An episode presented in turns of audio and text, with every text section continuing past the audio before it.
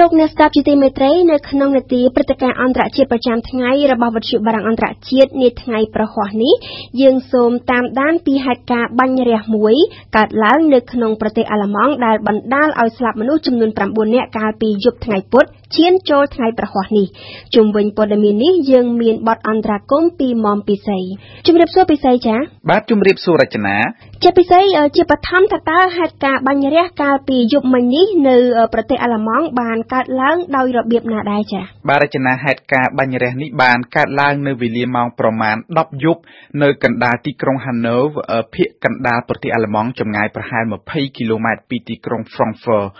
ជនដៃដល់ជាភេទប្រុសបានចូលទៅក្នុងទីតាំងបារជក់ឈីឆាមួយកន្លែងឈ្មោះ Midnight ហើយបានបាញ់រះទៅលើភ្ញៀវដែលនៅក្នុងនោះបន្តមកទៀតខ្មាន់កំភ្លើងបានចេញមកវិញហើយបើកឡានសម្ដៅទៅជាយទីក្រុង Hanover ក្នុងសង្កាត់មួយឈ្មោះថាសង្កាត់ Kesselstadt ទៅដល់ទីនោះជនដៃដល់បានចូលទៅក្នុងបារជក់ឈីឆាមួយមួយកន្លែងទៀតឈ្មោះ Arena Bar បន្ទាប់ពីជិតកណ្ដឹងបើកទ្វារចូលទៅខាងក្នុងខ្មាន់កំភ្លើងបានបាញ់រះទៅលើមនុស្សដែលកំពុងតែជក់បារីនិយាយគ្នានៅក្បែរនោះយោងតាមព័ត៌មានបឋមក្នុងយប់ថ្ងៃពុធនៅទីតាំងទី1មានស្លាប់3នាក់ហើយទីតាំងទី2មានស្លាប់ចំនួន5នាក់ដល់ព្រឹកថ្ងៃប្រហ័ននេះចំនួនអ្នកស្លាប់បានឡើងសរុបដល់ទៅ9នាក់បន្ទាប់ពីអ្នករបួសម្នាក់ទៀតបានស្លាប់ក្នុងចំណោមអ្នកស្លាប់នៅទីតាំងបារទី2គឺភាគច្រើនជាជនជាតិគួករស់នៅប្រទេសអាល្លឺម៉ង់ ក្រៅពីអ្នកស្លាប់គឺនៅមានអ្នករបួសជាច្រើនអ្នកទៀតចំណែកខ្មាន់កំភ្លើងត្រូវបាននគរបាលអាល្លឺម៉ង់ប្រទះឃើញស្លាប់នៅក្នុងផ្ទះនៅវេលាម៉ោង6ព្រឹកថ្ងៃប្រហ័សនេះនៅក្បែរសាកសពស្ត្រីចំណាស់ម្នាក់បណ្ដាញព័ត៌មានក្នុងស្រុកអាល្លឺម៉ង់បានផ្សាយថាស្ត្រីនោះគឺជាម្ដាយរបស់ជនដៃដល់ហើយបើតាមការសន្និដ្ឋានគឺជនដៃដល់បានបាញ់សម្លាប់ម្ដាយខ្លួនមុននឹងបាញ់សម្លាប់ខ្លួនឯង ចាពិសីរដ្ឋអាជ្ញាអាល្លឺម៉ង់បានដាក់ការសង្ស័យថាការបាញ់រះនេះទំនងជាមានលក្ខណៈជាបទឧក្រិដ្ឋបែបប្រកាន់ពូជសាសន៍ស្អប់ខ្ពើមជនបរទេសបង្កឡើងដោយជនស្ដាំនិយមជ្រុលតើមកត្រឹមពេលនេះគេដឹងអ្វីលំអិតខ្លះហើយតកតងទៅនឹងអត្តសញ្ញាណរបស់ខ្មាន់កំភ្លើងពិសីចា៎ បាទរចនាជាការពិតមែនរដ្ឋអាជ្ញាអាល្លឺម៉ង់បានដាក់ការសង្ស័យថាអាចជាការបាញ់រះបែបស្អប់ខ្ពើមជនបរទេសដែលមិនមែនស្បែកសបណ្ដាញទូរទស្សន៍អាល្លឺម៉ង់ ARD បានផ្សាយថាខ្មាន់កំភ្លើងឈ្មោះ Tobias Air មានអាយុ 43 ឆ្នាំ នៅក្នុងឡានរបស់ខ្មាន់កាំភ្លើងគេបានប្រទះឃើញគ្រាប់កាំភ្លើងជាច្រើនគ្រាប់ព្រមទាំងអាជ្ញាប័ណ្ណបរបាញ់សត្វរបស់ជននេះផងដែរនៅផ្ទះរបស់ខ្មាន់កាំភ្លើងនេះគេបានរកឃើញសម្បត្តិអវសានចំនួន24ទំព័រសរសេរដោយដៃរបស់ជនដៃដល់ព្រមទាំងវីដេអូមួយផងដែលជននេះបានបង្ហោះផ្សាយទៅលើ YouTube យោងតាមលោក Peter Neumann អ្នកជំនាញផ្នែកភេរវកម្មនៅសាកលវិទ្យាល័យ King's College ទីក្រុងឡុងបានឲ្យដឹងថាក្នុងសម្បត្តិ24ទំព័រនេះជនដៃដល់ល់បានសរសេរបញ្ជាក់អំពីទឹកចិត្តស្អប់ខ្ពើមជនបរទេសទាំងអស់ដែលមិនមែនស្បែកសជននេះបានសរសេរថា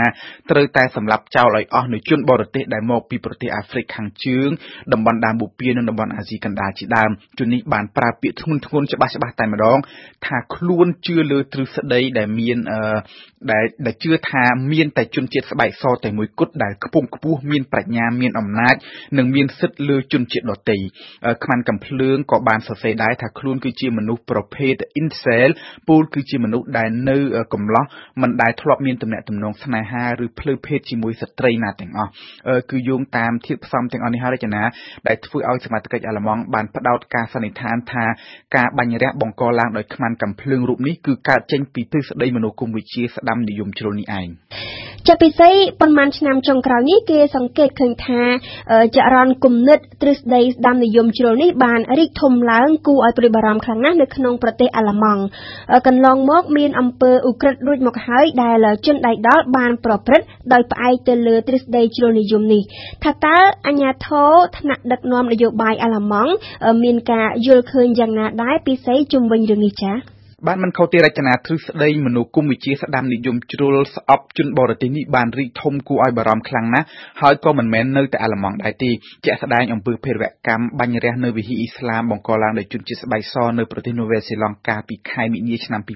2019ដែលបានសម្លាប់មនុស្សអស់51នាក់ ជាមួយនឹងការរីកចម្រើននៅបណ្ដាញអ៊ីនធឺណិតបណ្ដាញសង្គម Facebook YouTube blog ជាច្រើននេះគឺវាបានធ្វើឲ្យទ្រឹស្ដីស្ដាមនិយមជ្រុលនេះអាចរីកសាយភាយមានអ្នកជឿលងកាន់តែច្រើនមិនខុសពីទ្រឹស្ដីអ៊ីស្លាមភារវកម្មនិយមទេកាលពីខែមិថុនាឆ្នាំ2019តំណាងរាស្ត្រអាល្លឺម៉ង់ម្នាក់ដែលគាំទ្រជនភៀសខ្លួនត្រូវបានជនស្ដាមនិយមជ្រុលម្នាក់បាញ់សម្លាប់កាលពីខែតុលាសមត្ថកិច្ចអាល្លឺម៉ង់បានធ្វើការរារាំងទាន់ពេលវេលានៅផែនការធ្វើភារវកម្មមួយនៅក្នុងវិហារស៊ីណាហ្គករបស់សហគមន៍ជនជាតិយូវីសហើយកាលពីថ្ងៃសុក្រសប្តាហ៍កន្លងទៅនេះសមត្ថកិច្ចអាល្លឺម៉ង់បានចាប់ឃាត់ខ្លួនសកម្មជនស្ដាំនិយមជ្រុលចំនួន12នាក់ដែលតាមការសង្ស័យជនទាំងនេះមានគម្រោងធ្វើភារវកម្មនៅតាមទីតាំងវិហារអ៊ីស្លាមជាច្រើនកន្លែងដោយយកគំរូតាមភារវកម្មបាញ់រះនៅនូវែលសេឡង់ករណីបាញ់រះលើកនេះគឺជាករណីធ្ងន់ធ្ងរបំផុតសម្រាប់បទឧក្រិដ្ឋដែលមានចរិតលក្ខណៈជាការប្រកាន់ពូជសាសន៍នៅអាល្លឺម៉ង់ទាំងអស់នេះរចនាបានបង្ហាញឲ្យឃើញអំពីបរិយាកាសស្អប់ខ្ពើមប្រកាន់ពូជសាសន៍នៅអាល្លឺម៉ង់នឹងដែលកាន់តែធ្ងន់ធ្ងរថ្នាក់ដឹកនាំអាល្លឺម៉ង់ថ្នាក់ដឹកនាំនយោបាយបានចាប់ផ្ដើមយល់ពីបញ្ហានេះតែបញ្ហាលំបាកគឺថាមានអ្នកនយោបាយឆក់ឱកាសមួយចំនួន ដែលកេងចំណេញហើយចូលរួមពង្រីកទ្រឹស្ដីស្អប់ខ្ពើម ប្រកាន់ពូជសាសន៍នេះឲ្យកាន់តែរីកធំឡើងនោះគឺក្រុមគណៈបកស្ដាមនិយមជ្រុលតែម្ដងសហគមន៍អ្នកកាន់សាសនាអ៊ីស្លាមនៅអាល្លឺម៉ង់បានអំពាវនាវសូមឲ្យមានការរឹតបន្តឹងសន្តិសុខការពារសុវត្ថិភាពពួកគេហើយកាលពីខែធ្នូកន្លងទៅក្រសួងមហាផ្ទៃអាល្លឺម៉ង់បានប្រកាសបង្កើតសមត្ថកិច្ចពិសេសមានកម្លាំង600នាក់បន្ថែមទៀត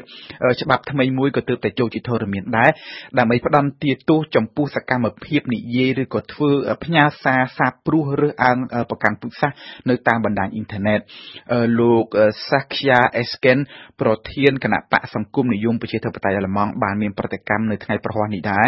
ថាអំពើបាញ់រះបែបប្រកាន់ពូជសាសន៍នេះគឺជាបទឧក្រិដ្ឋដ៏ថោកទាបបំផុត ជាយូរយារមកហើយដែលអាល្លឺម៉ង់ប្រងើយកន្តើយដូច្នេះដល់ពេលហើយដែលត្រូវទទួលស្គាល់ការពិតហើយហៅវាឲ្យចំចំឈ្មោះតែម្ដងថាគឺជាអំពើភេរវកម្មបែបស្ដាំនិយមជ្រុល